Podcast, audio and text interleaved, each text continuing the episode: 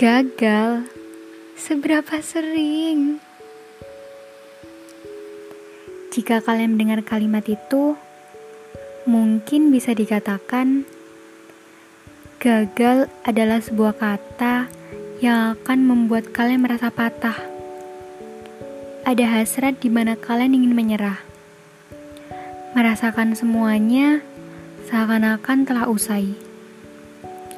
Tapi, jika sampai detik ini kamu tetap merasa sedih, tetap merasa tak berdaya, dan punya keinginan untuk menyerah, berarti kamu adalah orang yang lemah, orang payah, seseorang yang tak mau berusaha, orang yang tak punya keinginan untuk membuktikan bahwa sebenarnya kamu bisa. Kamu bisa menggapai dunia. Kamu adalah orang yang tak mau mencoba jalan lain untuk menuju Roma.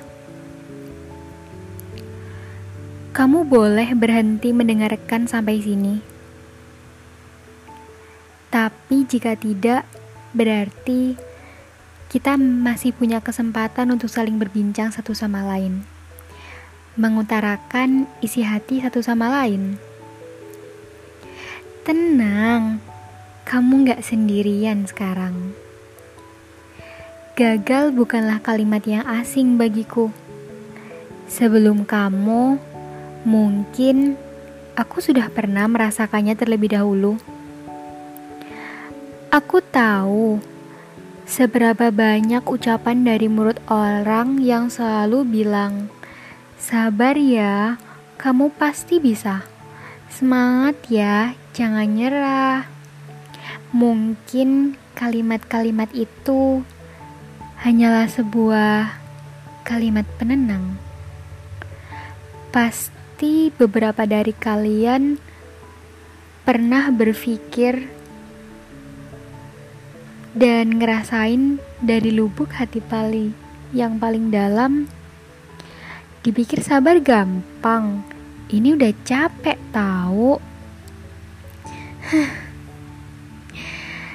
ya mungkin memang benar sih kalimat-kalimat itu gak begitu berguna bagi kalian tapi sejujurnya dari kalimat itu setidaknya kalian tahu siapa saja yang peduli terhadap kalian.